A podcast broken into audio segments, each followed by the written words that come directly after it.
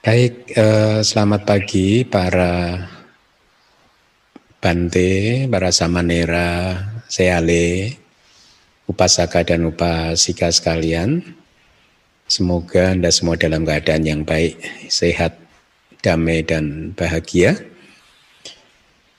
Pagi hari ini kita meneruskan, melanjutkan uh, pelajaran kita tentang Abhidhamma Sanggaha di bab ke-9 kelas yang keempat ya.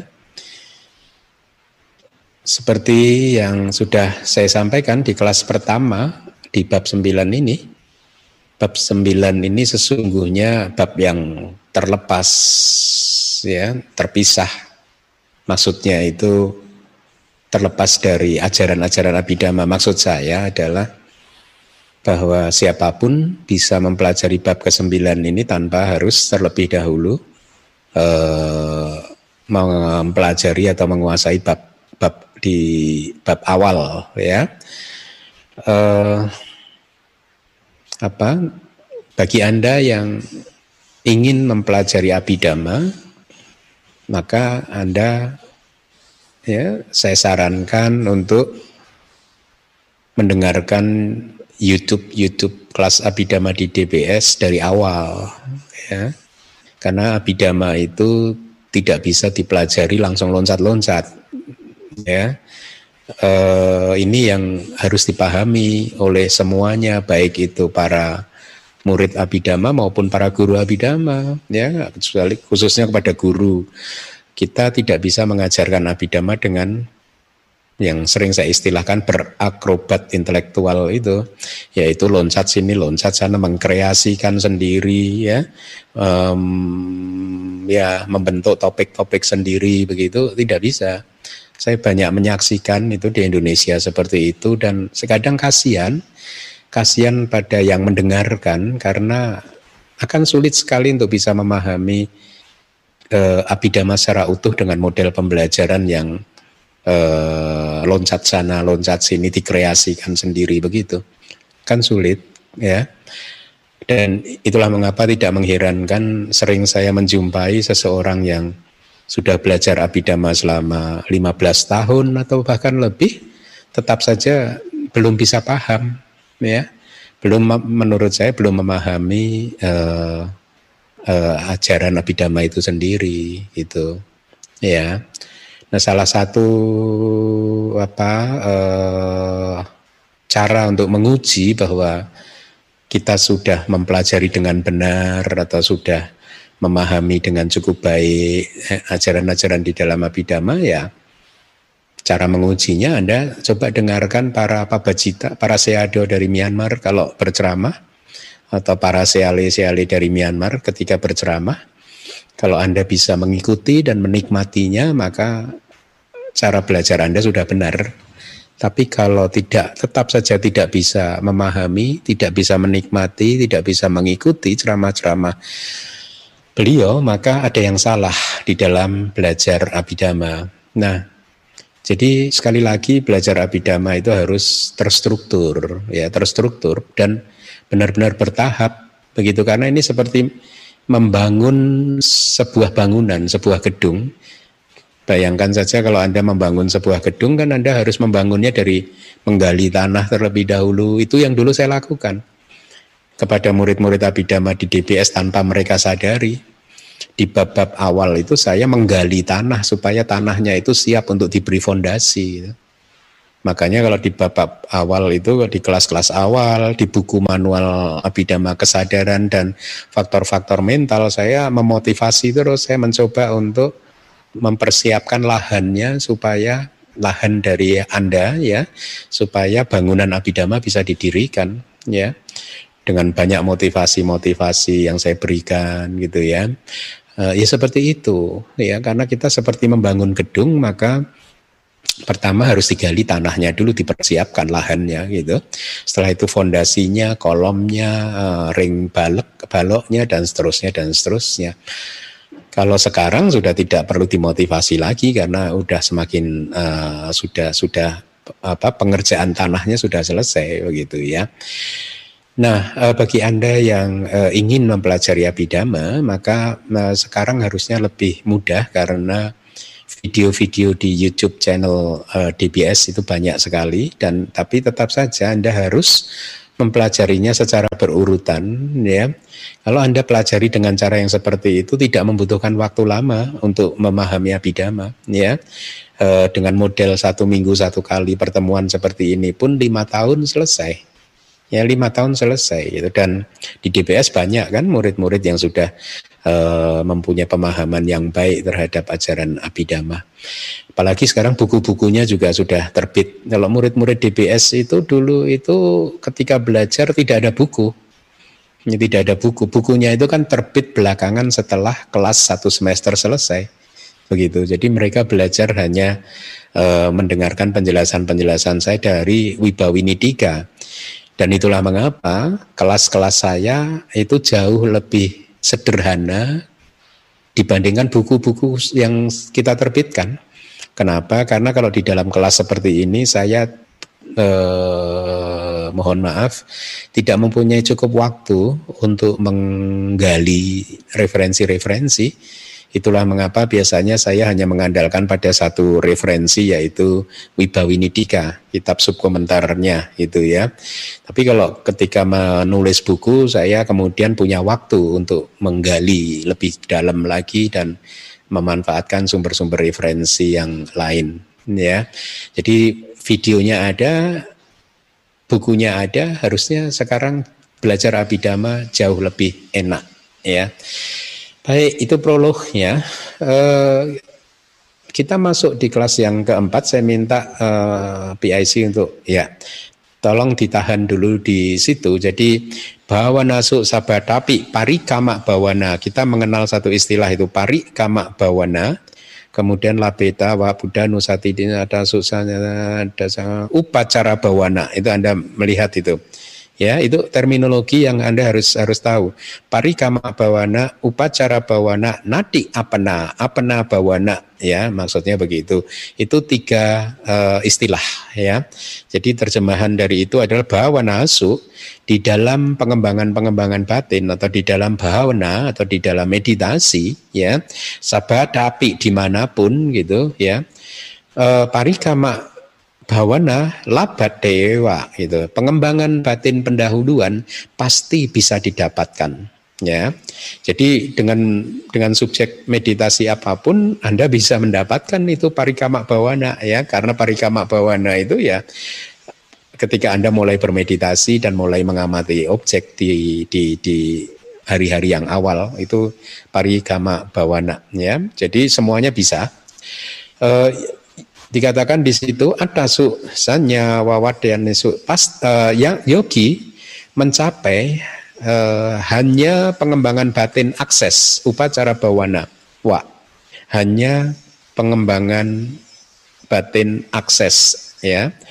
Uh, dengan uh, melalui atau di dalam 10 subjek meditasi yang berikut yaitu delapan pemusatan perhatian yang dimulai dengan pemusatan perhatian terhadap Buddha dan juga persepsi dan analisis ya.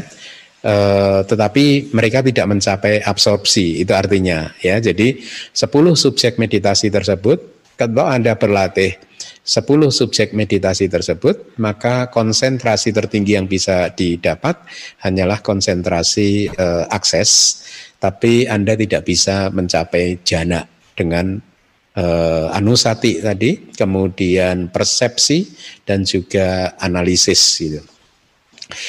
Uh, Wibawi Nidika menjelaskan syair kutipan tadi seperti berikut. Yang mana pun itu artinya di 40 subjek meditasi. Jadi saya harap uh, sampai sekarang Anda sudah paham bahwa Buddha mengajarkan subjek meditasi samatha itu ada 40 ya. 40 subjek meditasi ya. Kemudian di dalam 10 subjek meditasi tersebut itu kata Abhidhamma Sanggaha tadi kita hanya bisa mencapai upacara samadhi kan konsentrasi akses tidak bisa mencapai absorpsi atau istilah palinya apana. Jadi itu boleh dihafalkan ya. Absorpsi itu apana. Kalau konsentrasi absorpsi atau jana uh, sinonimnya itu adalah apana samadhi gitu ya. Tidak mencapai absorpsi artinya kenapa e, 10 subjek meditasi tadi tidak mencapai absorpsi? Wibawinidika memberikan penjelasan seperti ini. Oleh karena eh, keadaan idealnya yang tertinggi, para mata atau oh, itu ada di layar ya, untuk keutamaan terhadap Buddha dan lain-lain. Jadi eh, karena kualitas atau guna keutamaan dari Buddha itu secara ideal itu adalah kualitas atau keutamaan yang tertinggi ya uh, dan juga karena keutamaannya yang bermacam-macam maka ketika Anda bermeditasi misalkan dengan mengambil objek pemusatan perhatian terhadap keutamaan atau kualitas Buddha kan Anda harus bergerak terus kan? Ya. Iti piso bagawa arahang sama sambudo wija carana sampano dan seterusnya kan? Ya. Maka di situ disebutkan karena keutamaannya yang bermacam-macam. Aneka widata itu ya. Dan juga karena gembira bahwa atau kualitasnya sifatnya keadaannya yang gembira gembira itu dalam begitu ya.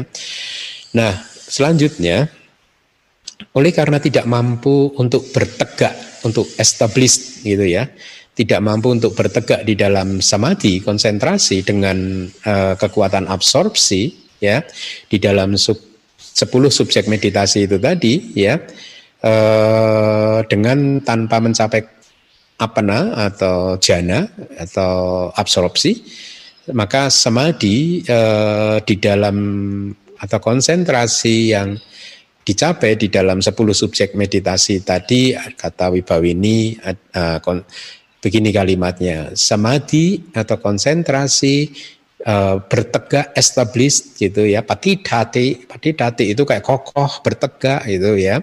Established gitu hanya melalui keadaan upacara samadhi gitu. Next slide.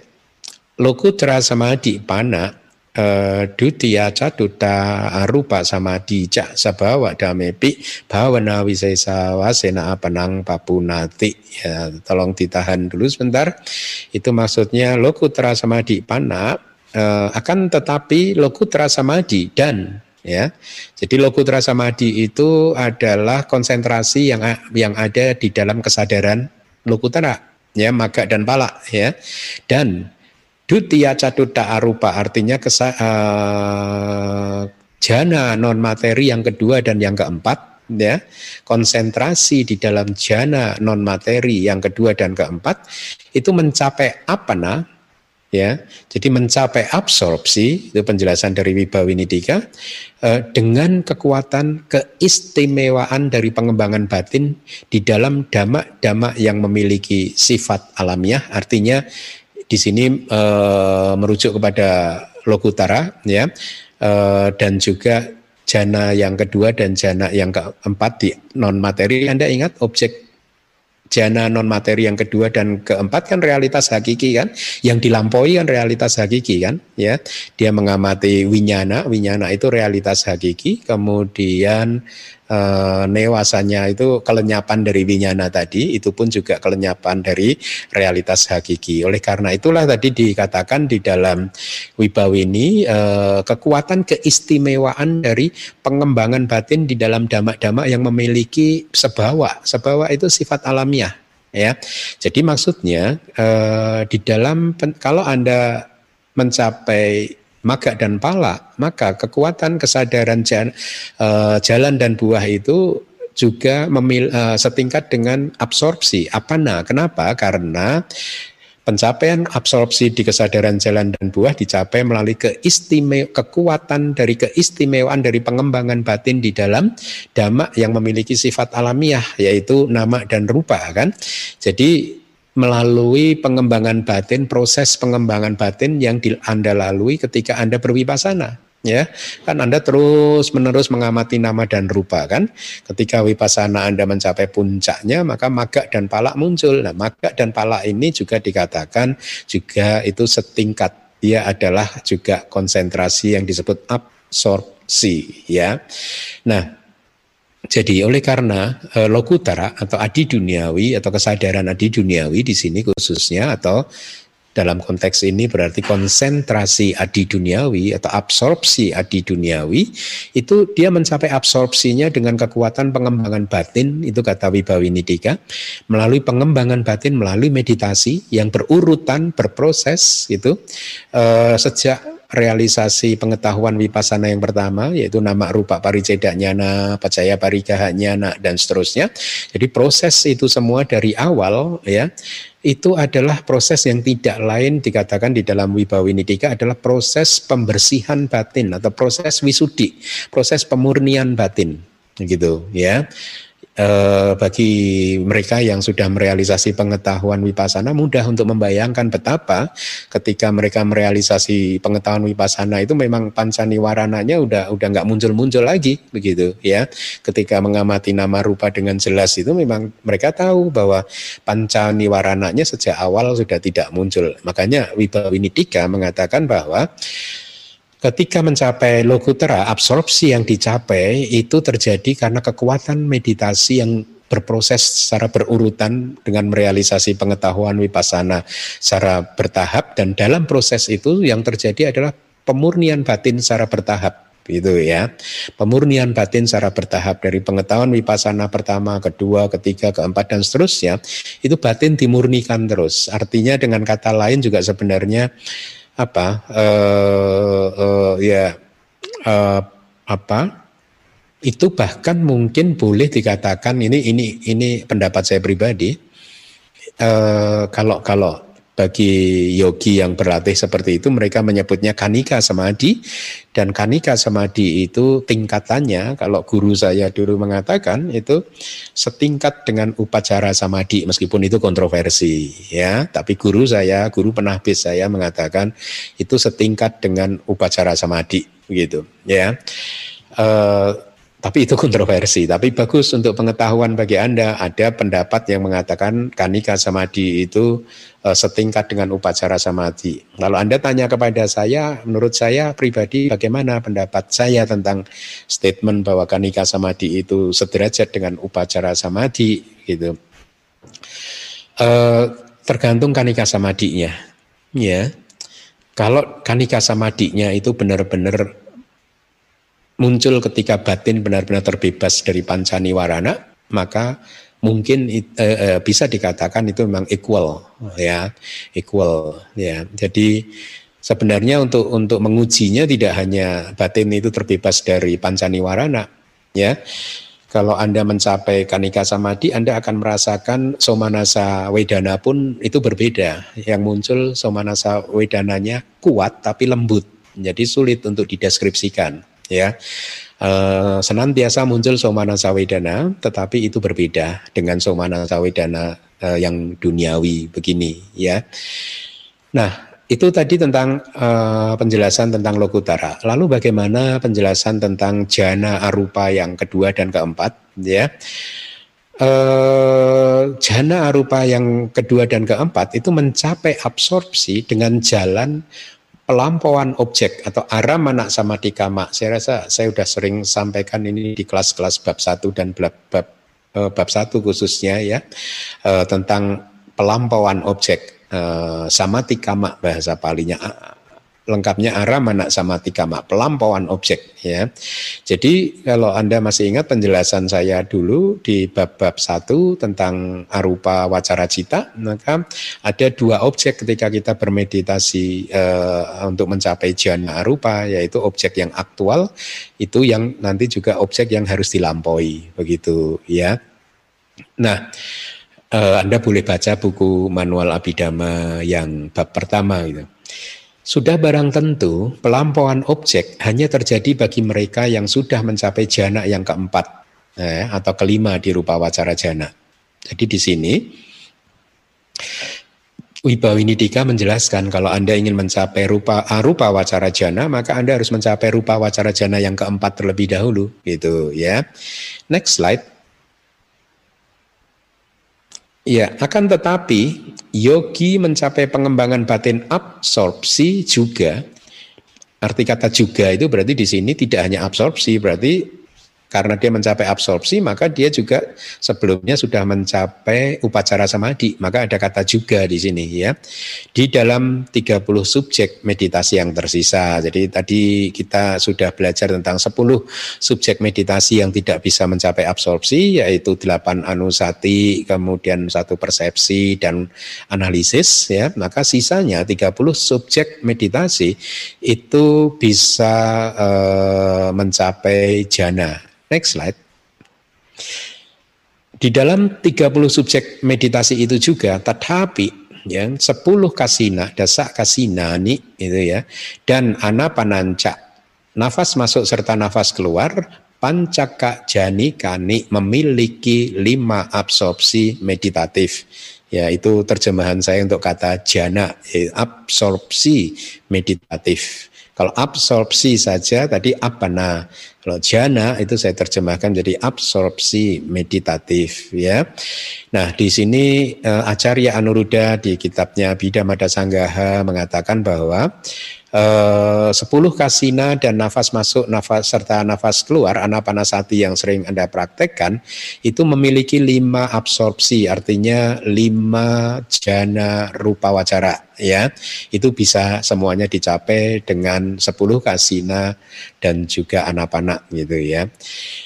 Nah, e, Wibabi ini menjelaskan memiliki lima jana atau absorpsi meditatif itu artinya ada lima jana bagi mereka, artinya tersedia lima jana bagi mereka yang berlatih dengan objek e, tadi 10 kasina dan anapana gitu.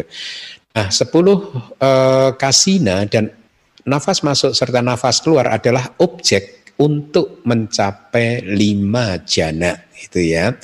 Next slide. Dasa asuba, sepuluh pembusukan mayat ya dan kayak gatasati atau perhatian penuh yang tertuju pada tubuh memiliki absorpsi meditatif yang pertama. Ini saya rasa persis yang ditanyakan Aling dulu di kelas awal kali ya. Ya, 10 pembusukan mayat dan kayak gata sati hanya bisa mencapai jana yang pertama. Uh, next slide mungkin ditampilkan. Ya, itu saya berikan uh, penjelasannya dari Wibawi Nidika mengatakan bahwa oleh karena objek dari asubha bawana yang menjijikkan, maka di sana kesadaran berjalan hanya dengan kekuatan penempelan awal witaka ya mirip dengan jawaban saya ya. Kalau saya dulu mengatakan sulit untuk melepaskan witaka kan. Di sini Wibawinidika mengatakan eh, eh, kesadaran berjalan hanya dengan kekuatan penempelan awal. Gitu. Artinya ya dia benar-benar membutuhkan penempelan awal itu dengan kata lain gitu dan diberi perumpamaan yang cukup bagus seperti sebuah perahu di sebuah sungai dengan arusnya yang ganas dia ini melaju hanya dengan mengandalkan kekuatan dari kemudinya saja gitu ya kalau kemudinya itu in, apa tidak sempurna pengemudiannya maka perahu bisa tenggelam ya jadi di dalam pengambilan objek dengan asubha bawana itu witaka kalau versi Wibawinidika ini itu instrumental penting ya. Jadi kesadaran berjalan bahkan dikatakan kesadaran berjalan hanya dengan kekuatan penempelan uh, awal. Artinya di sini kesadaran janaknya ya. Uh, begitu tanpa dengan kata lain begitu uh, witakanya itu apa katakanlah tidak lagi mengamati objek tersebut, maka kesadarannya akan jatuh. Gitu ya. Ketika witakanya itu tergoda untuk mengamati objek yang lain, maka eh, apa? Eh, kesadaran jana yang pertamanya akan jatuh seperti perahu yang eh, terguling atau eh, tenggelam begitu ya. Begitu penjelasannya. Kemudian next slide. Tiga yang dimulai dengan rasa persahabatan meta. Ya, ini meta ini saya belum belum baku uh, memilihkan atau menerjemahkan uh, terjemahan dari meta. Kalau dikatakan uh, sebagai cinta kasih universal, meskipun itu benar, tetapi tidak begitu sesuai dengan makna bahasa palinya sendiri meskipun secara apa hmm, ininya esensinya itu benar bahwa meta itu cinta kasih universal, cinta kasih kepada semua makhluk tanpa membeda-bedakan begitu ya. Makanya kemudian belakangan saya mencoba untuk memakai kata rasa persahabatan. Artinya ketika Anda mempunyai rasa di dalam hati Anda bersahabat dengan seseorang kan Anda benar-benar tidak ingin melihat orang itu tidak bahagia kan? Selalu ingin melihat dia bahagia dan kebahagiaan dia Anda bisa merasakannya begitu ya. Rasa persahabatan ini pun juga eh, harusnya universal kalau kita berbicara tentang meta. Jadi Tiga yang dimulai dengan meta itu memiliki empat absorpsi meditatif. Tiga yang dimulai dengan meta itu berarti ya anda hafalkan kita kan mempunyai empat Brahma Wihara urut-urutannya apa? Meta, Karuna, Mudita, UPK kan? Berarti tiga yang dimulai dengan meta itu artinya meta, Karuna, Mudita. Jadi meta, Karuna, Mudita hanya bisa sampai ke jana rupa wacara yang keempat dalam konsep Abhidhamma eh, atau dalam konsep sutanta hanya sampai ke jana rupa wacara yang ketiga. Kenapa? Alasannya karena dia membutuhkan somanasa. Mari kita eh, penjelasan dari Wibawini begini. Oleh karena meta, karuna dan mudita itu berlawanan dengan domanasa yang dia renungkan, meta, karuna, dan mudita itu berlawanan dengan doma nasa wedana, dengan perasaan duka cita, perasaan jengkel, dan lain sebagainya. Melalui keadaannya yang meninggalkan doma nasa, ya, uh, duka cita, perasaan duka cita dan juga meninggalkan biya pada yaitu pikiran-pikiran jahat dan juga meninggalkan wihimsa atau kebengisan juga meninggalkan ketidakpuasan maka hanya kualitas yang disertai dengan somanasa yang terjadi itu kata Wibawinidika ya. Bisa ulangi lagi karena kualitas dari meta karuna dan mudita itu berlawanan dengan uh, domanasa dan kualitasnya ini mempunyai kualitas sedemikian rupa yang sudah meninggalkan empat dhamma yaitu domanasa wedana, biya pada, pikiran-pikiran jahat, wihimsa, uh, cruelty, kebengisan, dan juga ketidakpuasan. Ketidakpuasan terhadap perilaku teman-teman Anda, perilaku seseorang sudah tidak ada lagi. Yang ada hanyalah kepuasan. Ya, siapa pun yang mereka lakukan Anda puas. Anda dengan lapang dada bisa menerima dan bahkan bisa ikut merasakan kegembiraannya. Mengharapkan mereka hanya bahagia, bebas dari penderitaan dan mengapresiasi keberhasilan-keberhasilan mereka, begitu ya. Oleh karena itulah Wibawinitika mengatakan meta karuna mudita itu adalah satu kualitas yang disertai dengan somanasa. Itulah mengapa jana rupa wacara yang kelima tidak bisa dicapai oleh meditasi dengan objek meta karuna dan mudita. Next slide. UPK Pancama Jani Gati, keseimbangan batin memiliki absorpsi meditatif yang kelima pancama ya bukan lima tapi yang kelima ya jana yang kelima. Demikianlah 26 subjek meditasi yang memiliki absorpsi meditatif lingkup indriyawi. Ada 26 ya. Nah, uh, uh, next slide. Ada enggak? Ya, uh, tolong ditahan di situ. Itu lihat itu. Anda boleh hafalkan. Sabi sata sukita hontu itu mantra-mantra kita kan ketika kita mempraktekkan meta itu sabi sata sukita hontu ketika mempraktekkan um, karuna Sapi sata duka mucantu. Semoga semua makhluk terbebas dari penderitaan. Kalau uh, mudita itu adalah lada suka sampati doma wiga cantu. Artinya apa? Semoga semua makhluk tidak pergi ya atau tidak berpisah, tidak lenyap dari kebahagiaan dan keberuntungan yang ladak sampai yang telah diperolehnya begitu ya itu mantra-mantranya gitu Eh, kemudian bukan mantra dalam arti kalimat yang sering kita ucapkan kan ya. Uh, uh, ya kalimat berikutnya bahaya masa kata dasane. Nah, setelah meninggalkan tiga, tiga kualitas tersebut tadi yaitu meta karuna dan mudita ya. Jadi artinya ketika Anda mencapai jana dengan either meta atau karuna atau mudita, yang dikatakan di sini setelah meninggalkan tiga kualitas itu tadi artinya baik meta karuna maupun mudita melalui UPK yang disebut tatra majat tata ini lihat ya sering kali juga saya masih sering mendengar uh, seseorang itu mencampur adukkan istilah UPK jadi karena mereka tahunya hanya UPK dan mereka tidak tahu bahwa sesungguhnya UPK itu mempunyai 10 makna itu ya. Salah satunya UPK itu ya UPK Wedana ya. Kemudian yang kedua adalah Tatra Majatata ya yaitu cetasika yang disebut keseimbangan batin. Ya kita udah belajar di bab kedua. Maka di sini Wibawini mengatakan bahwa UPK di dalam Brahma Wihara itu disebut Tatra Majatata. Ya bukan UPK Wedana tapi Tatra Majatata. Ya memang Wedananya juga UPK gitu ya. E, itu itu tidak tidak terelakkan. Ketika tatra majatata muncul dengan dominan, maka memang perasaannya juga UPK gitu ya. Oleh karena, tapi dua keduanya ini kan dua wujud yang berbeda kan. Ya kalau UPK Wedana itu adalah cetasika Wedana, Tatra Majatata itu adalah cetasika Tatra Majatata. Ya, dia dua realitas hakiki yang berbeda gitu.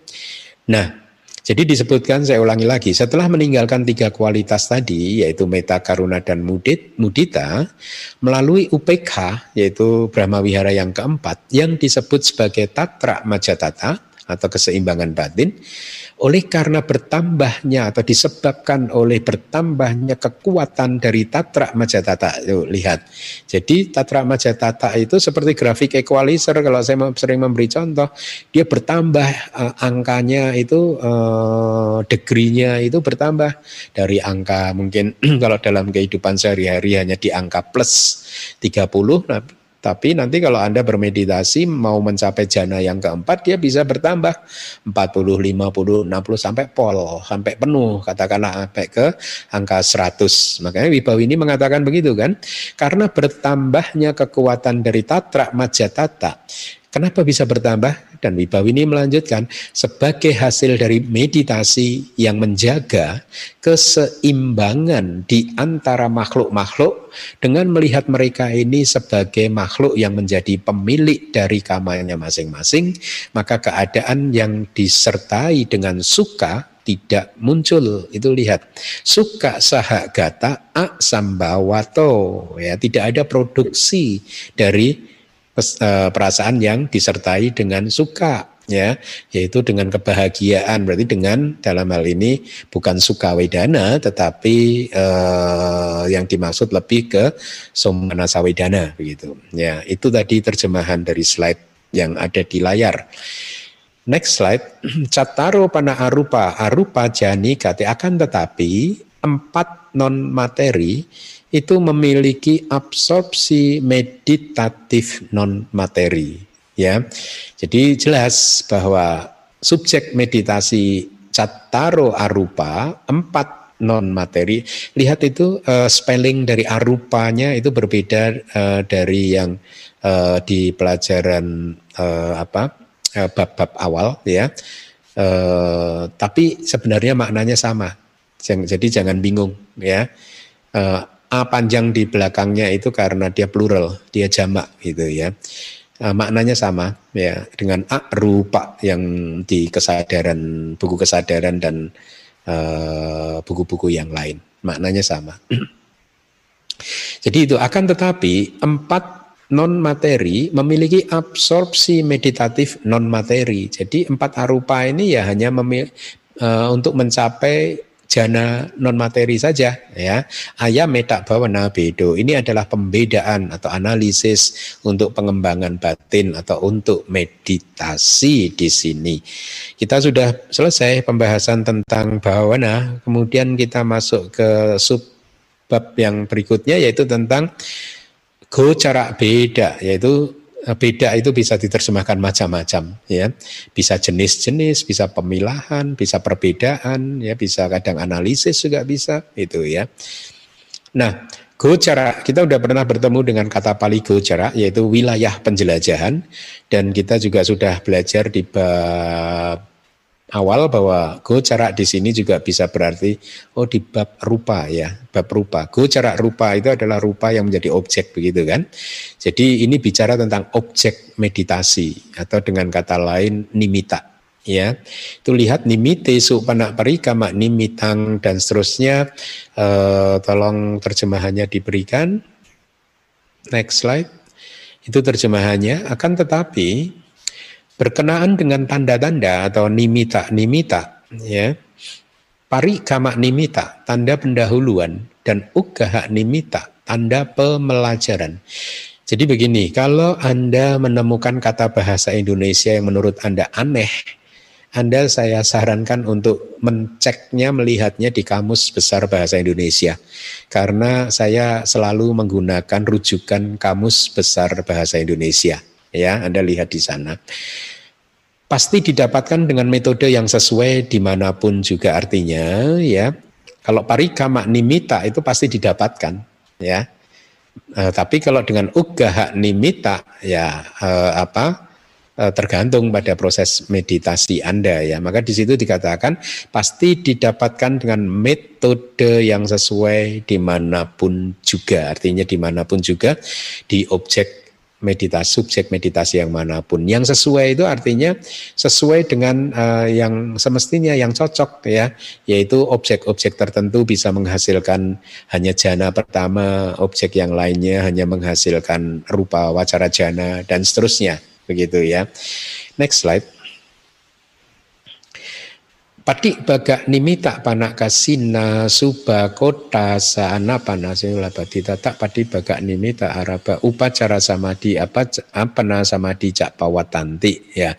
Itu anda bisa hafalkan misalkan terminologi yang wajib sebenarnya untuk dihafalkan. Satu pati baga nimita kemudian kasina asuba kotasa kotasa itu adalah bagian-bagian tubuh gitu ya. Kotasa bagian-bagian tubuh, 32 bagian tubuh. Anapana itu nafas masuk dan nafas keluar. Itu Anda harus hafalkan. Kemudian pati baga nimita araba upacara samadi Anda harus hafalkan. Apena samadi Anda juga harus hafalkan ya. E, tolong ditampilkan terjemahan saya.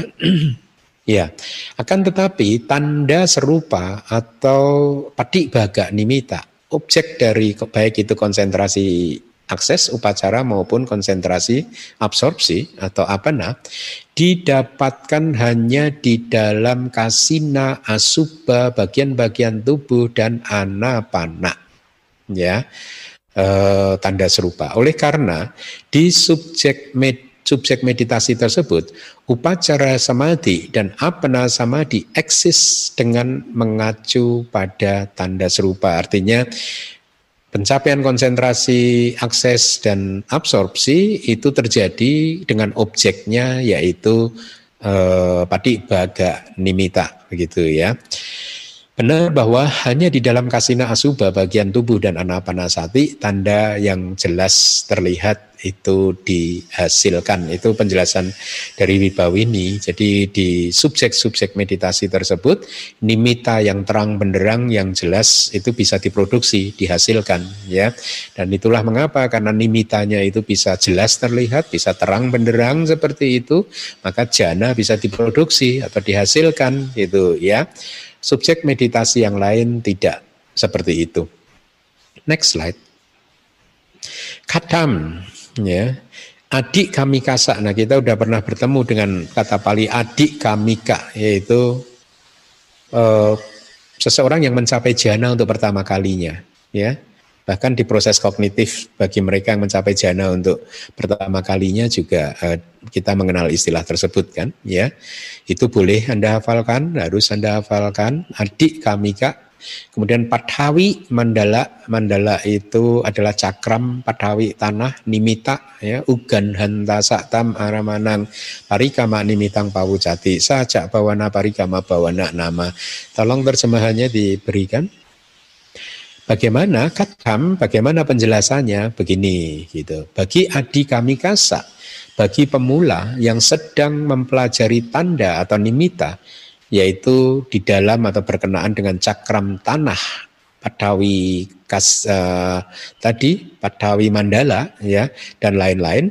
Objek tersebut dikatakan sebagai tanda ya ada stripnya. Itu bisa tanda parikama tanda upacara tanda apa nak tergantung pada uh, uh, konsentrasi yang dicapainya gitu dan pengembangan batinnya dinamakan pengembangan batin pendahuluan itu ya uh, ya itu bagi pemula makanya peng, meditasinya bawananya adalah bahasa palinya parikama bahawana gitu ya. Nah, Wibawini memberikan penjelasan seperti ini. Yang sedang mempelajari tanda berkenaan dengan cakram tanah dan lain-lain itu begini. Kata Wibawini. Setelah terlebih dahulu memurnikan catuk pari sudi sila. Jadi sila harus murni ya kalau Anda ingin tekun menekuni meditasi maka sila harus murni ya. Dan eh, catuk parisudi sila itu untuk biku ya Anda umat tidak tidak tidak perlu eh, memurnikan catuk parisudi sila. Cukup lima sila Anda, delapan sila Anda, Anda murnikan gitu. Catuk parisudi sila itu adalah catuk parisudi. Jadi empat sila pemurnian ya itu buat para biku itu tidak hanya patimoka sebenarnya ya yang 227 itu hanya salah satu dari empat satu parisudi sila ada tiga sila pemurnian yang lain begitu untuk para biku dan juga setelah memutus pali boda kita belum pernah belajar pali boda ah, mungkin sudah pernah saya cantumkan di buku. Pali Buddha itu kayak impediments, kayak halangan ya, yaitu keluarga, buku. Makanya kalau bermeditasi itu dulu guru penahbis saya melarang saya, melarang kita untuk membaca buku gitu. Ya. E, karena itu termasuk Pali Buddha gitu ya. Eh, kemudian urusan-urusan apa pun itu juga pali bodak itu harus dilepaskan ditinggalkan gitu ya keluarga juga ya sudah nggak memikirkan lagi keluarga sama dengan anda juga kalau 10 pali bodak ini juga anda harus potong harus anda lepaskan ya maka ketika retret ya jangan mikirin rumah gitu ya jadi dikatakan setelah memurnikan satu parisudi dan memutus eh, sepuluh pali bodak tadi, sepuluh halangan, seorang biku mendekati kalyanamita, ya, mendekati teman bikunya yang baik, yang Berarti ada teman biku yang nggak baik ya. Di sini disebutkannya kalyanamita gitu ya. Yang dilengkapi dengan keutamaan, artinya dia adalah seorang biku yang ramah, seorang biku yang sangat dihormati dan lain-lain ya. Jadi biku tersebut mendekati ke biku yang punya kualitas seperti itu tadi. Kemudian dia meminta subjek meditasi dan setelah menerima subjek meditasi yang sesuai dengan temperamen dirinya sendiri, yang temperamen yang pernah kita pelajari di bab awal. Kemudian dia meninggalkan 18 macam tempat tinggal yang tidak menguntungkan. Saya belum sempat uh, uh, mencari apa itu 18 macam tempat tinggal yang tidak menguntungkan. Itu kalau tidak salah itu tempat tinggal yang bagi tubuh kita mungkin terlalu dingin, terlalu panas gitu atau uh, tempat tinggal yang sedang ada pekerjaan baik itu membangun wihara, pekerjaan entah membangun taman dan lain sebagainya itu juga setahu saya mungkin saya bisa salah tapi seingat saya kita harus menghindari masuk ke wihara-wihara yang uh, seperti itu begitu.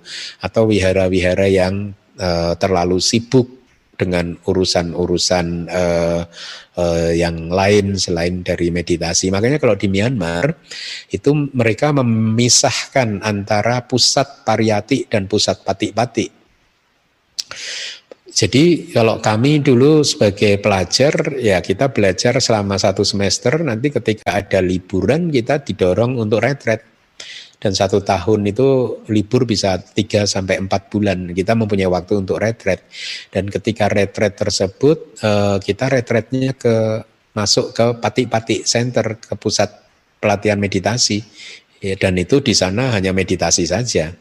Kalau di Pariyati Center ya sen, uh, wiharanya di sana yang ada dari jam 4 pagi sampai jam 10 malam ya menghafal belajar dan menghafal Tripitaka, kitab komentar dan kitab subkomentarnya. Jadi dipisahkan gitu ya antara wihara pariyati dan wihara pati-pati gitu ya.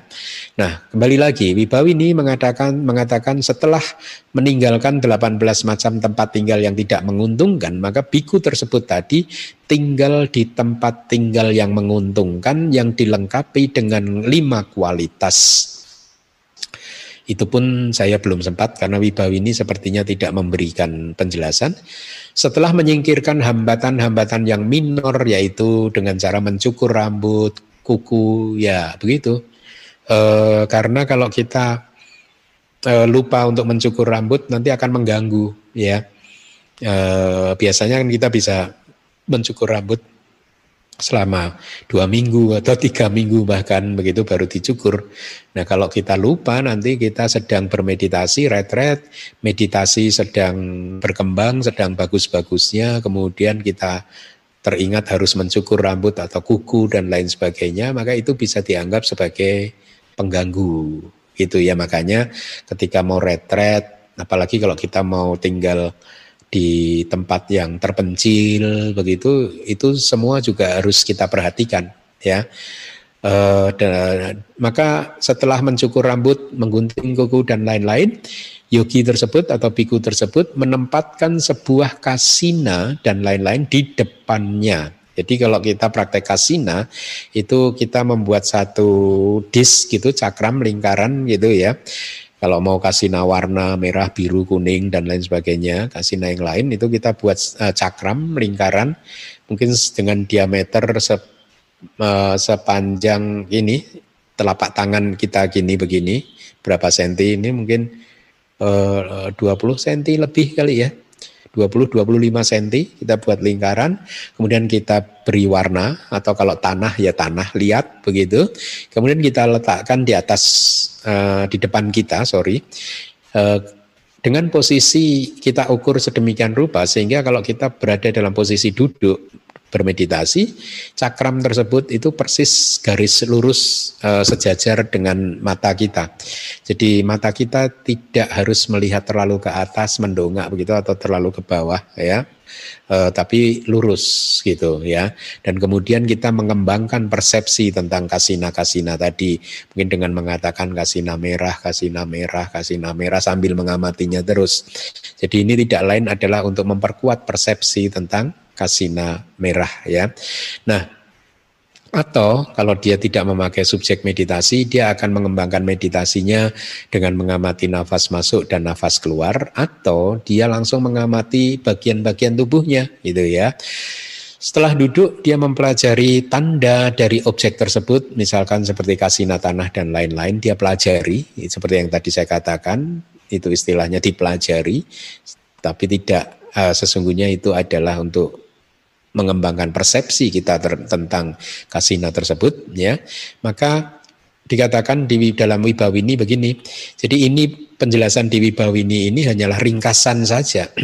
Jadi bahkan disarankan bagi mereka yang ingin mengetahui penjelasannya secara detail mereka disarankan Anda disarankan untuk membuka kitab Wisudi Maga ya. Jadi Wisudi Maga itu kitab komentar Makanya bagi mereka yang menolak kitab komentar akan kerepotan kalau mau bermeditasi. Karena informasi tentang meditasi itu ada di Wisudi Maga dengan sangat lengkap.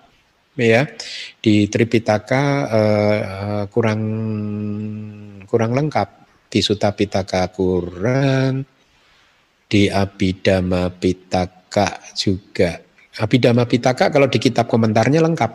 Tapi kalau Abhidhamma Pitakanya sendiri, setahu saya mungkin tidak karena memang model pembelajaran Nabi Dhamma kan hanya menguraikan realitas hakikinya. Tapi di kitab komentarnya ada tahapan-tahapan untuk e, mencapai jana dan lain sebagainya. Itu diberikan di kitab komentar. Makanya kalau menolak kitab komentar ya akan repot sendiri. ya Mereka tidak akan bisa bermeditasi dengan e, baik.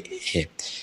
ya kadang itu orang itu ya misalkan ada master meditasi menolak kitab komentar misalkan mereka, uh, beliau ini tidak sadar bahwa uh, realisasi-realisasi beliau atau ceramah-ceramah beliau itu adalah uh, apa yang ada di dalam kitab komentar.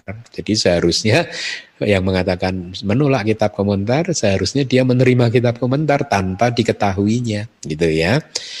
Jadi uh, bagi Anda yang ingin mendapatkan penjelasan yang detail, Anda disarankan untuk melihat uh, Wisudimaga dan ini mengatakan sesungguhnya Acarya Anuruddha pengarang buku Abhidhamma Sanggaha hanya menyampaikan bhavana atau meditasi dengan sangat singkat di bukunya.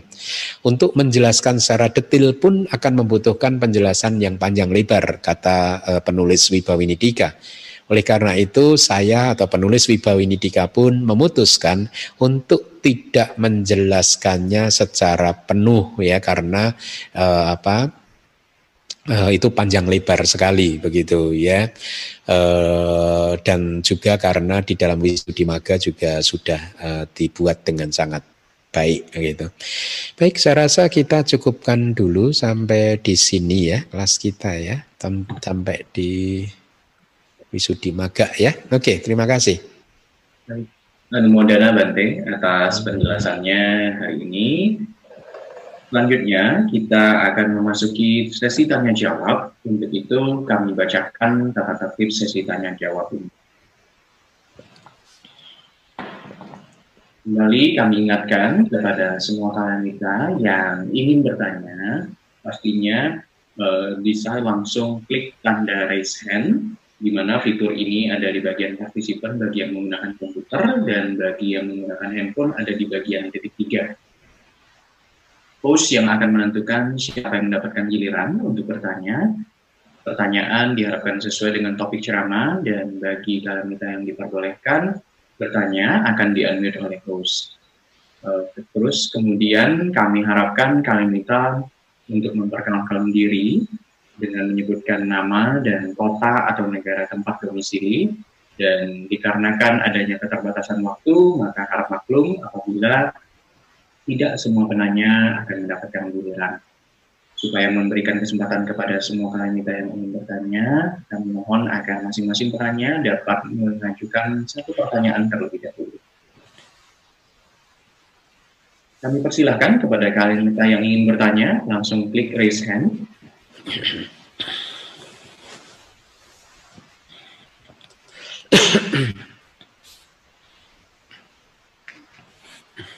Apakah sudah ada yang ingin bertanya? Ya, kami persilahkan kepada Saudara Suprianto. Bapak Suprianto, kami persilahkan. Uh, Wandami Bante. Iya, Pak Supri. Uh, Iya, Bante. Mau tanya Bante. Tadi uh, sempat disebut itu ada syarat-syaratnya untuk biku terus tempat yang sesuai ada 16 syarat tempatnya rumahnya harus gimana wiaranya gimana uh, udah itu harus meninggalkan keluarga apa segala kelihatannya hmm, untuk umat awan memang suatu tantangan besar untuk meditasi untuk mendapat hasilnya ya Bante ya. Uh, gitu deh. Uh, kayaknya umat awam itu uh, tantangan besar ya dalam kehidupan keluarga kehidupan keluarga udah itu sehari-hari punya kegiatan banyak gitu kecuali hal satu-satunya ya mungkin letret ya Bante ya kalau mau bisa mendapatkan hasil maksimal ya Bante. Hmm. Mohon petunjuk Bante. Iya, baik Pak Suprianto. Iya, benar sih Pak.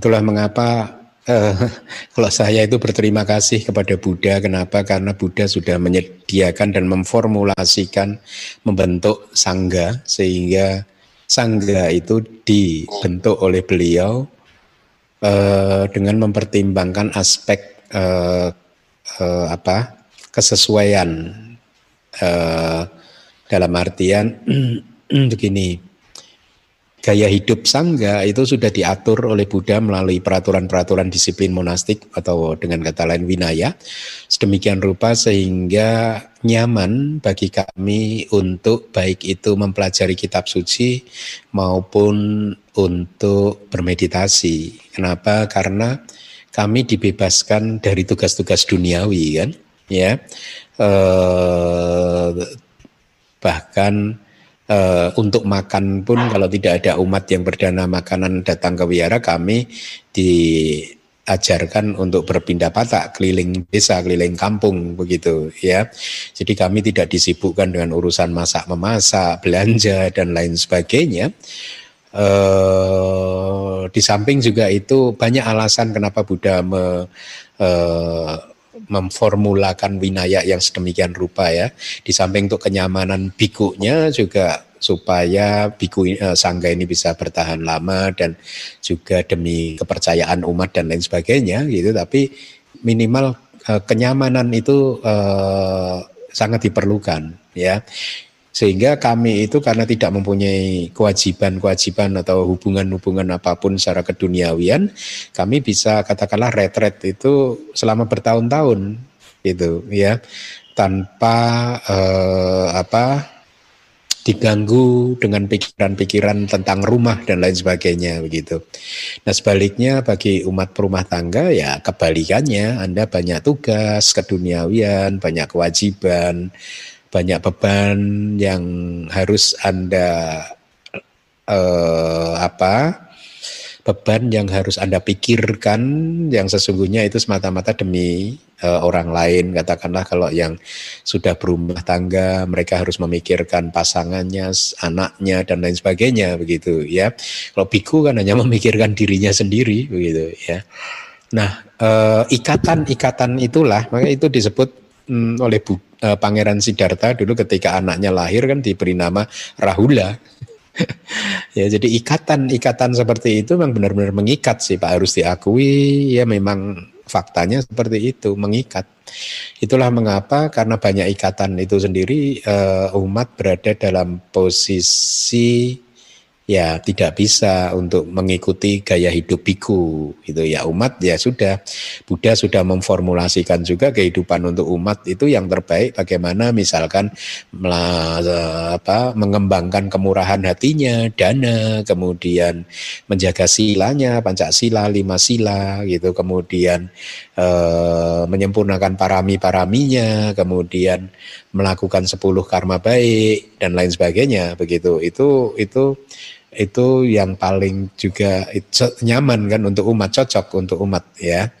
nah, tapi walaupun demikian kalau umat ingin berlatih yang lebih tinggi lagi lalu dengan segala keterbatasannya tadi itu maka biasanya akhirnya tradisi kita Uh, baik itu di Myanmar yang saya tahu di Myanmar ya biasanya mengadakan retret-retret 10 hari seperti itu Pak ya eh, belakangan baru saya berpikir kenapa retret itu 10 hari ya. Oh kalau di Indonesia cocok ya 10 hari karena uh, umat itu kan harus bekerja dan bagi mereka yang bekerja di kantor mereka mungkin mempunyai cuti yang sangat terbatas. Jadi 10 hari itu harusnya cukup nyaman begitu tidak mengganggu kantor dan lain sebagainya Meskipun kalau di Myanmar itu Pak, setahu saya Pak, eh, pusat meditasi itu terbuka eh, setiap saat bagi umat yang ingin melatih satu hari, dua hari, tiga hari pun juga bisa masuk setiap saat atau bahkan yang ingin melatih lebih dari 10 hari juga bisa.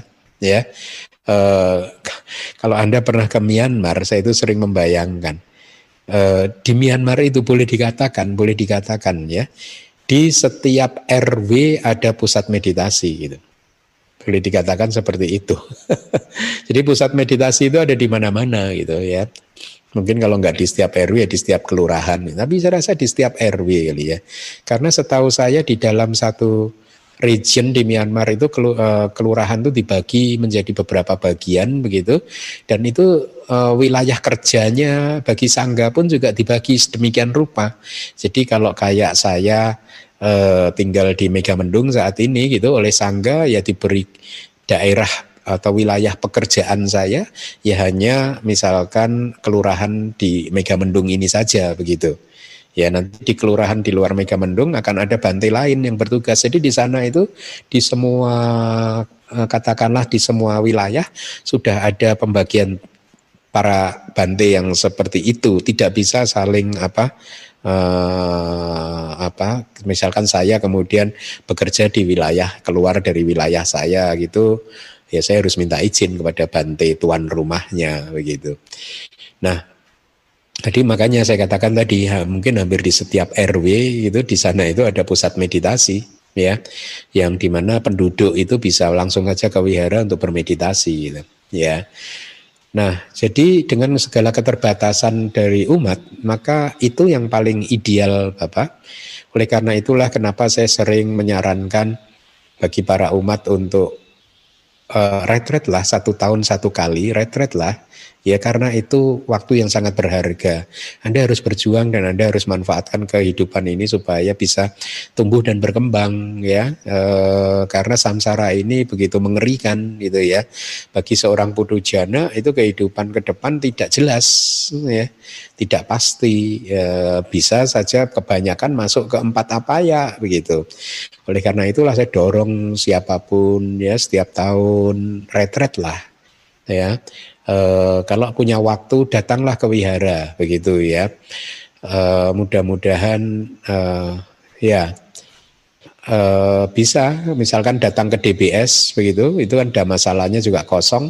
Datang ke sana meditasi dari pagi sampai sore. Di Myanmar pun juga banyak yang seperti itu. Umat datang pagi hari pulang sore hari untuk bermeditasi.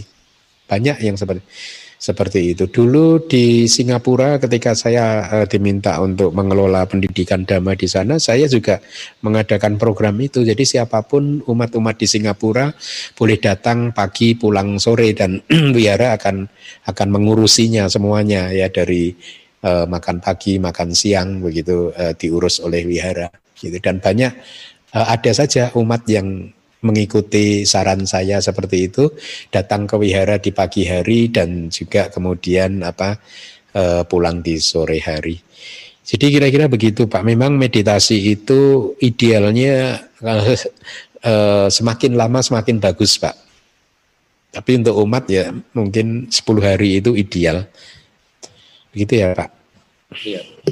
Tapi ada contoh aja kan Bante umat yang mencapai Sotapati gitu. Sota pernah ada pak, ada pak, ada, ada, ada. ada. Di Myanmar banyak umat upasaka upasika yang di, dipercaya sebagai seorang anagami. Banyak. Muridnya Lady Seado itu dipercaya sebagai anagami. Mereka umat, eh, dia beliau umat. Itu kemudian yang Sotapana juga banyak dipercaya banyak itu dan saya pernah mendengar dulu waktu tinggal di Singapura ada suami istri. Uh, dia beruntung karena suami istri ini kebetulan belum punya anak. Kalau saya tidak salah ingat dia umurnya paling baru 35 tahun ya. Dan waktu itu mereka berdua sepakat memutuskan masih berstatus sebagai uh, upasaka upasika pergi ke Myanmar untuk bermeditasi ya. Dan kabar terakhir dulu ketika saya masih berada di Myanmar dia sudah menyelesaikan semua jananya sampai ke arupa wacara jana begitu. Dan masih dalam status sebagai upasaka dan upasika tidak memakai jubah. Itu kabar terakhir. Saya tidak tahu sekarang ya karena uh, saya meninggalkan Singapura kan sudah cukup lama tahun 2011 mereka berdua sekarang seperti apa saya kehilangan informasi. Tapi itu dulu di Singapura kabar itu sampai ke saya begitu. Jadi suami istri umur 35 tahun, tidak punya anak, kemudian memutuskan benar-benar keluar dari pekerjaannya. Padahal di Singapura itu berani keluar dari pekerjaannya itu harus melalui perhitungan yang sangat panjang kan karena kehidupan di Singapura itu sangat sedemikian rupa kan sulit kalau tidak mempunyai pekerjaan hidup di Singapura kan jadi mereka begitu, e, itu mencapai jana. Mudah-mudahan ya mereka sudah mencapai tingkat kesucian sotapana ya, karena kalau sudah mencapai jana harusnya kan e, berwipasananya menjadi lebih mudah begitu. Banyak pak. Anumodana Bante. Masih. Dulu cerita dari Bante ya.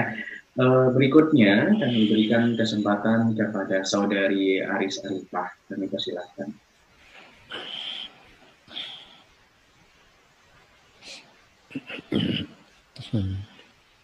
Uh, mohon maaf, bisa di ya. Terima kasih banyak, salam hormat. Perkenalkan nama saya Arias dari Jakarta, Bante. Terima kasih atas ya. kesempatannya. Iya. Saya tanyakan, Bante, untuk uh, pencapaian tadi kan untuk absorpsi itu nimitanya harus jelas ya, Bante. Dan yeah. biasanya dengan 32 bagian tubuh atau anapanasati di sini akan diraih uh, tanda nimita yang jelas. Kemudian uh, untuk terkait dengan keseimbangan batin, nah ini keseimbangan batin itu kan memiliki jana yang kelima Bante. Nah misalnya Bante sebelum mencapai jana kelima misalnya, misalnya uh, di tahap awal jana satu atau dua gitu, apakah boleh Bante uh, berwipasana? Demikian Bante, terima kasih. Saya yang terakhir tidak begitu jelas, Pak Handi bisa mengulang yang terakhir aja bagian terakhir. Misalkan oh. untuk mencapai apa tadi? Iya, maaf Bante. Uh, sepertinya tadi saya juga kurang jelas. Mungkin Saudari Alis boleh disampaikan ulang. Baik, Bante. Uh, jadi kan memang idealnya uh, kita harus uh, memiliki semua bisa untuk mencapai jana ya Bante sampai keseimbangan batin dan itu bisa mencapai jana kelima. Tapi seandainya misalnya kita belum mencapainya Bante, misalnya nih ada uh, misalnya di jana satu ataupun jana dua itu apakah sudah boleh uh, uh, ke wipasana gitu Bante? Oh oke okay, oke okay, oke okay. baik baik baik terima kasih. Iya maaf iya sesungguhnya di jana yang mana pun ya itu bisa dijadikan fondasi untuk wipasana ya. Nanti mungkin di bagian akhir juga kalau saya tidak salah mungkin juga ada penjelasannya bahkan sesungguhnya eh, ketika mencapai apa eh, berwipasana pun bisa didapat dengan atau bisa dilakukan melalui konsentrasi kanika samadhi yang sederajat dengan upacara samadhi gitu ya. Jadi bisa uh, apa dengan jana berapapun, jana pertama, kedua, ketiga, keempat, kelima, itu bisa dijadikan sebagai padaka, bahasa palingnya padaka itu sebagai fondasinya gitu ya, sebagai fondasi untuk e, berlatih wipasana gitu. Tetapi biasanya yang terjadi adalah ketika seseorang sudah mencapai jana yang pertama, maka guru akan terus e, membimbing dia untuk menyelesaikan minimal e, e, menyelesaikan sampai ke arupa wacara jana ya. E, mes, tentu dengan dengan tahapan-tahapan uh, seperti yang uh, diajarkan oleh para guru di masa lalu ya.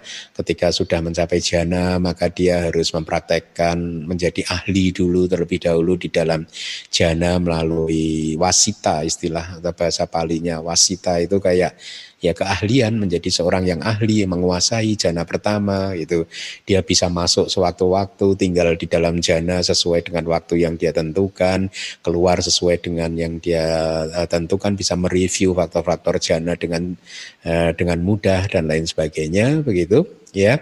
Uh, kemudian setelah itu guru pasti akan mendorong untuk mencapai jana-jana yang lebih tinggi sampai semua uh, logia jana bisa dicapai oleh yang bersangkutan.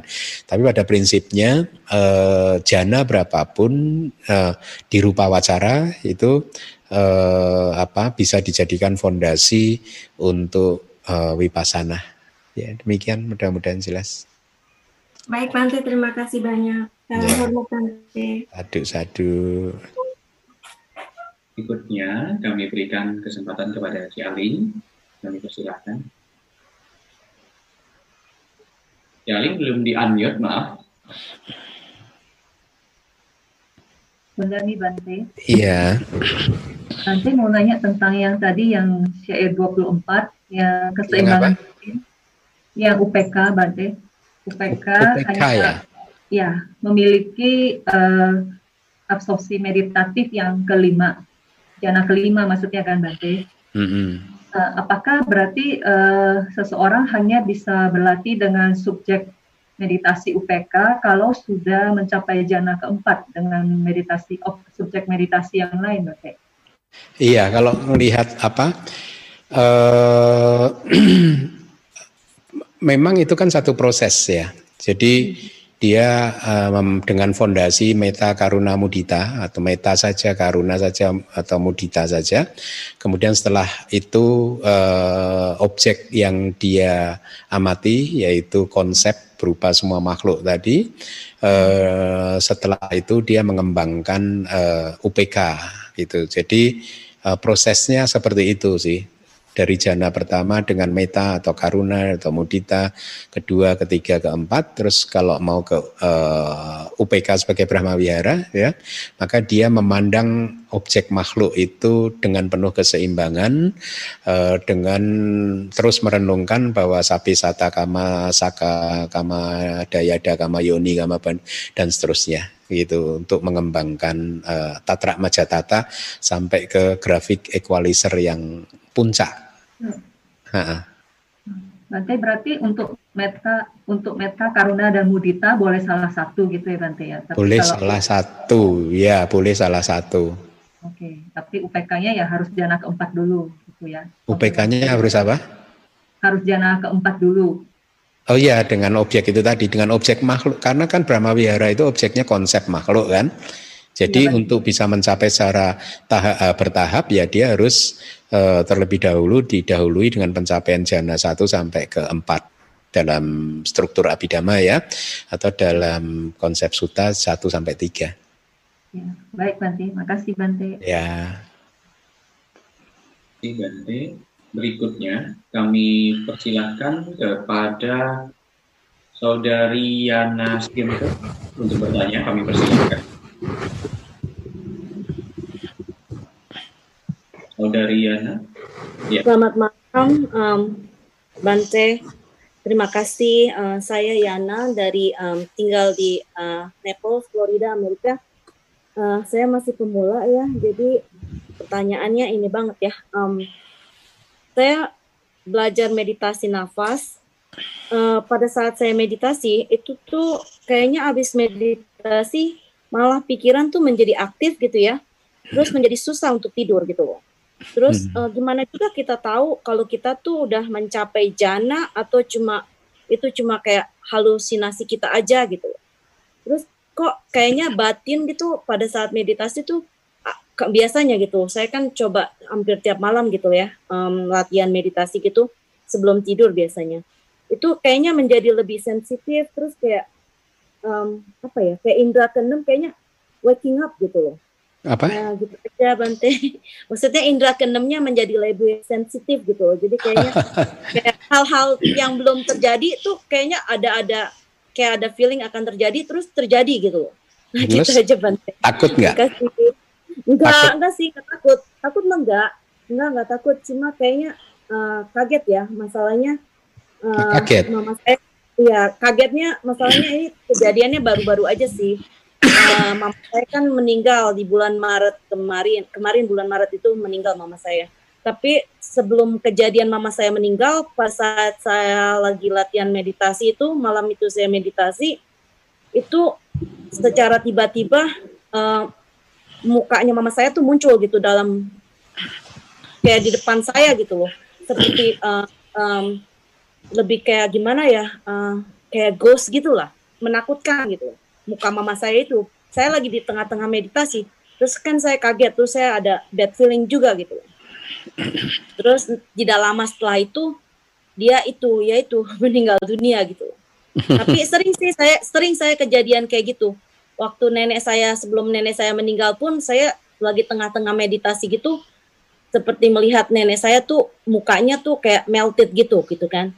Terus not long after that terus nenek saya pun meninggal gitu jadi apa ada hubungannya gitu ya meditasi tuh ya gitulah.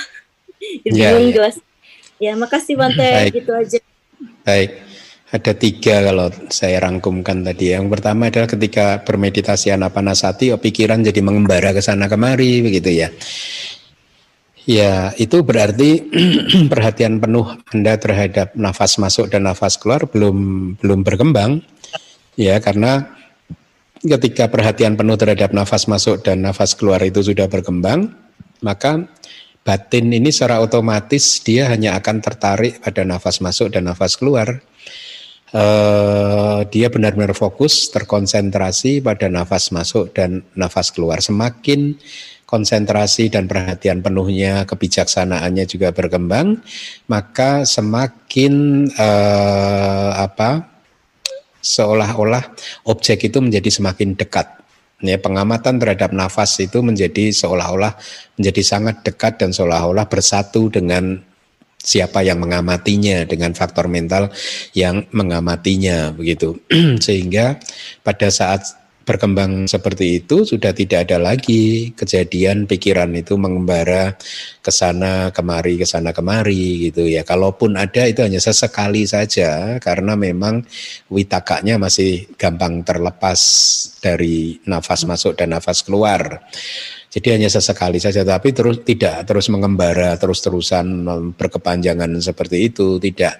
Jadi e, kalau pikiran masih mengembara seperti itu, ya tarik lagi aja ke nafas, ya dilatih terus ke nafas gitu ya.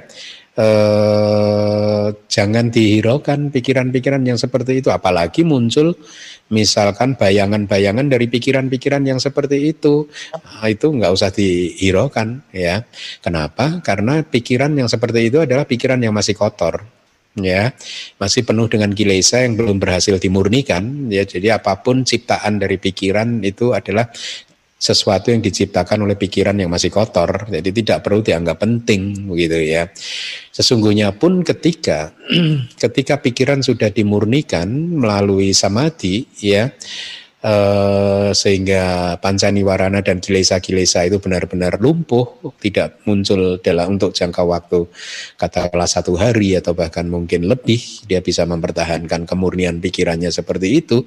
Kadang pun citra-citra atau gambaran batin yang seperti Anda ceritakan bisa muncul gitu.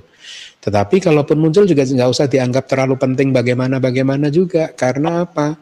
Ya memang itu fenomena yang apa eh, fenomena yang wajar saja terjadi.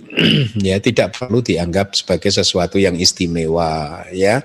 Anggap uh, terus saja fokus pada tujuan meditasi kita yaitu untuk melihat nama dan rupa uh, sebagai anicca duga dan anatta. Itu itu tujuan dari meditasi kita ya. Merealisasi anicca duga dan anatta. Kalau anda melihat nenek anda kemudian besoknya meninggal itulah anicca ya. Tidak tidak tidak perlu dianggap penting lagi bahwa oh saya sudah melihat sebelumnya. Tidak perlu ya. Cukup saja sebagai seorang witness saja sebagai seorang saksi bahwa pikiran itu bisa seperti itu begitu ya. Tidak perlu dicerita-ceritakan juga tetapi kita saksikan sendiri untuk diri kita sendiri saja gitu ya. Kenapa? Karena begitu diceritakan nanti kalau tidak hati-hati kilesa malah yang muncul dan kita kan latihan kita adalah untuk tidak memunculkan kilesa kan. Tapi itu sering sekali benar yang saya iya kalau memang sering sekali benar ya memang pikiran bisa seperti itu gitu. Tapi saksikan saja itu tidak perlu membuat kita uh, bingung kemudian menganggap itu sebagai sesuatu yang istimewa kemudian apalagi dicerita-ceritakan. Ya makanya biku itu kan jarang memang kebetulan biku juga banyak peraturan yang melarang mereka untuk dengan sembarangan bercerita tentang pengalaman meditasi kan saya rasa itu bisa dijadikan teladan bagi para umat untuk tidak banyak bercerita gitu. kalau di Jawa eh, di masyarakat Jawa dulu waktu saya masih banyak eh, berlatih di hutan-hutan gitu itu orang yang dianggap pinter gitu ya orang-orang pinter itu mungkin banyak yang tidak tahu kalau di hutan di Jawa Tengah itu banyak hutan yang dijadikan sebagai pertapaan. Jadi kalau Anda masuk ke hutan di sana, di dalam hutan belantara itu banyak pertapa. Gitu. Ya, jadi kalau dulu mereka-mereka saling bicara itu di dalam eh, kalangan orang-orang yang pertapa-pertapa itu, itu ada satu kalimat begini. Biasanya yang banyak bicara itu malah yang nggak tahu. Kalau yang diem itu mungkin malah yang tahu gitu biasanya gitu. Kalau orang orang pertapa-pertapa itu memang tidak perlu sih dicerita-ceritakan gitu ya. Jadi tujuan kita adalah untuk merealisasi uh, anicca, duka dan anatta. Apakah itu efek dari meditasi? Iya, tetapi sulit untuk bisa begini. Saya kadang menghindari pernyataan-pernyataan seperti ini karena karena e, membutuhkan banyak data ya untuk bisa mencapai ketahapan seperti itu itu e, data-datanya harus lengkap. Artinya informasinya harus lengkap untuk bisa menyimpulkan begitu. Dan untuk bisa mencapai ketahapan-tahapan yang seperti itu prosesnya itu ada ya.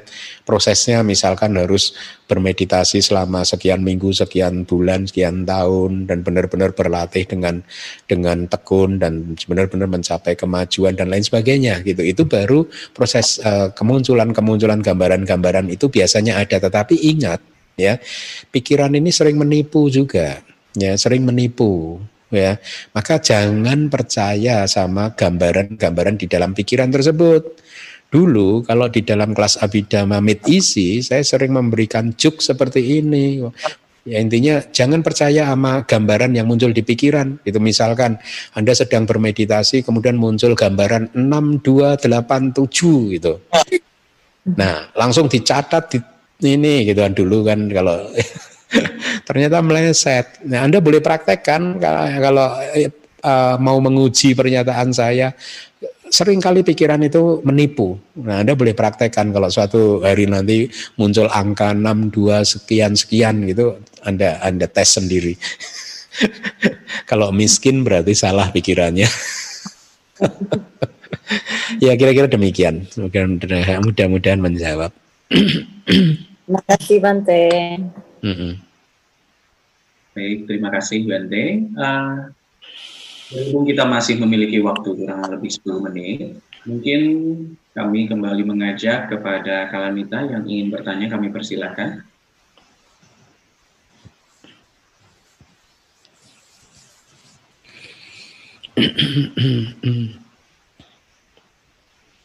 Apakah masih ada Kalamita yang ingin bertanya? Kami masih menunggu, kami masih memberikan kesempatan untuk langsung klik raise hand.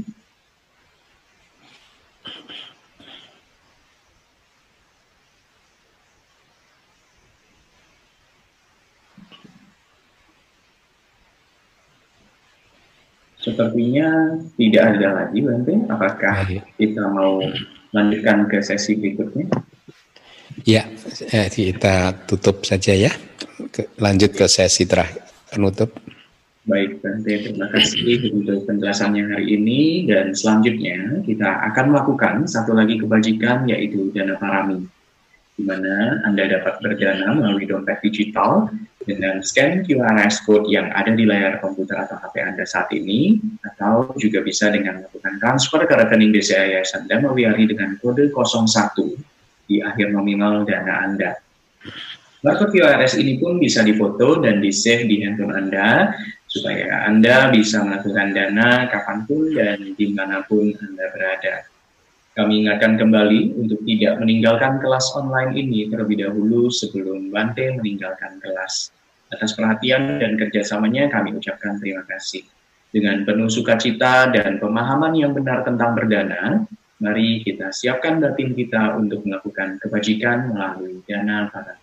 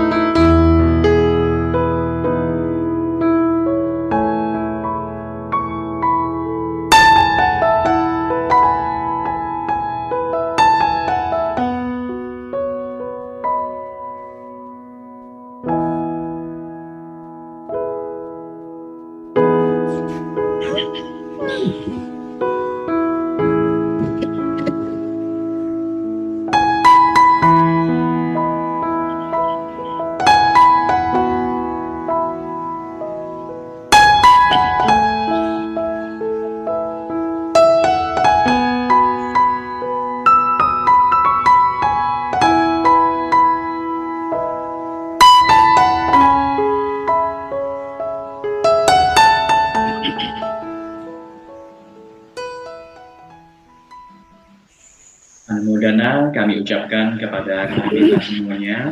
Selanjutnya Bante akan membimbing kita semua untuk melakukan limpahan jasa atas semua bentuk kebajikan yang telah kita lakukan pada hari ini. Mari kita semua beranjali. Baik, ikuti saya. Idame punyang. Idame punyang Asawa kaya wahang. Asawa kaya wahang. Odu Odu Idang me punyang. Idang me punyang. Nibbanasa. Nibbanasa. Pacayo Pacayo Odu Odu Mama punya bagang. Mama punya bagang. Sabat satanang. Sabat satanang. Bahajemi Bajemi. Te sape Te sape Me samang Me sama Punya bagang. Punya bagang. La bantu. La bantu. Semoga jasa kebajikan saya ini Semoga jasa kebajikan saya ini mengalir ke arah kehancuran noda-noda batin.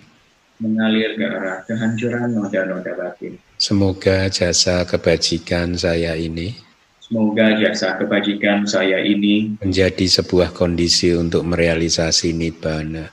Menjadi sebuah kondisi untuk merealisasi nibbana. Saya membagikan bagian kebajikan ini. Saya membagikan bagian kebajikan ini kepada semua makhluk.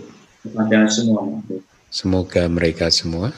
Semoga mereka semua mendapatkan bagian kebajikan mendapatkan bagian kebajikan yang sama dengan saya. Yang sama dengan saya. Sadu. Sadu. Sadu. Sadu. Ya, terima kasih. Terima kasih Gante atas sana ya. dan ini. Mari kita semua tetap beranjali sambil berucap Anumodana Bante atas Dhamma Desana dan duduknya hari ini. Anumodana Bante. Anumodana Bante. Anumodana Bante. Anumodana Bante. Bante. Semoga Bante selalu dalam keadaan sehat dan berbahagia.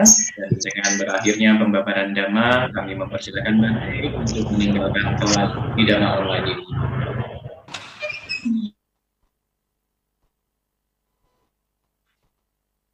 Demikianlah kelas Abidama DBS online pagi hari ini. Sebelum mengakhiri kelas hari ini, izinkan kami untuk kembali membacakan beberapa pengumuman. Pengumuman yang pertama, jangan lewatkan kelas Variati Sasana besok pada hari Minggu, tanggal 30 Agustus 2020, di mana Asin Geminda akan melanjutkan pembahasan khotbah tentang bentuk-bentuk pikiran yang mengganggu, bagian ketiga melalui Zoom dan live streaming YouTube.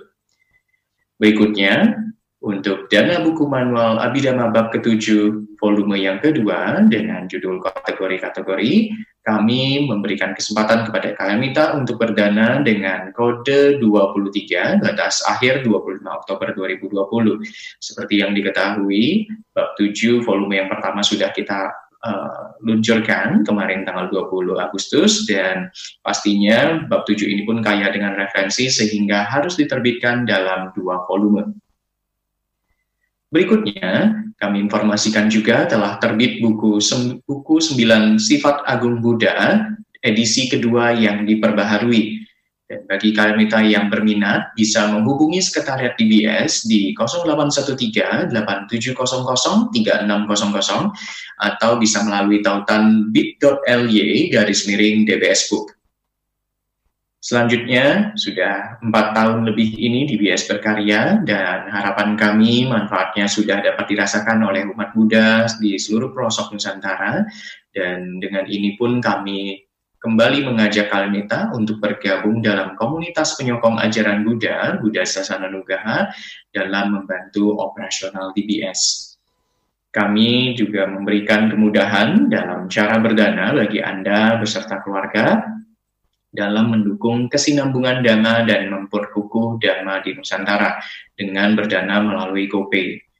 Kode-kodenya di antara sebagai, uh, di antaranya sebagai berikut, di mana kode 00 untuk operasional DBS, 01 untuk keperluan sangga, 02 untuk keperluan pendidikan Samanera dan Sayalai, 03 untuk penerbitan buku, 08 tawaradana, dan 10 untuk perpustakaan. Supaya tidak ketinggalan berita-berita DBS, kami kembali mengajak Kalamita untuk bergabung dalam WA Group Komunitas Buddha Sasana, DB, eh, Buddha Sasana Nugaha DBS, di mana grup ini yang sudah mencapai grup kelima, dan dari grup ini pun kami akan selalu memberikan informasi kegiatan-kegiatan yang akan dilakukan DBS, informasi buku-buku yang bisa Anda pesan, informasi penggalangan dana buku, dan lain-lain. Terakhir, Jangan lupa untuk follow, like, dan subscribe YouTube, Facebook, serta Instagram DBS supaya tidak ketinggalan informasi kegiatan-kegiatan DBS lainnya. Dan bagi kalian yang belum mengikuti channel ini, dapat segera klik bagian subscribe YouTube kanal DBS beserta klik loncengnya supaya selalu mendapatkan video terupdate serta bisa mendengar kumpulan Dhamma Desana Bante Keminda lainnya. Akhir kata, kami ucapkan terima kasih atas uh, atas kehadiran kalian kita semuanya dan sampai bertemu di kelas online DBS selanjutnya. Suki Hontu kalian minta, semoga kita semua selalu dalam keadaan sehat dan berbahagia. Sadu, sadu, sadu.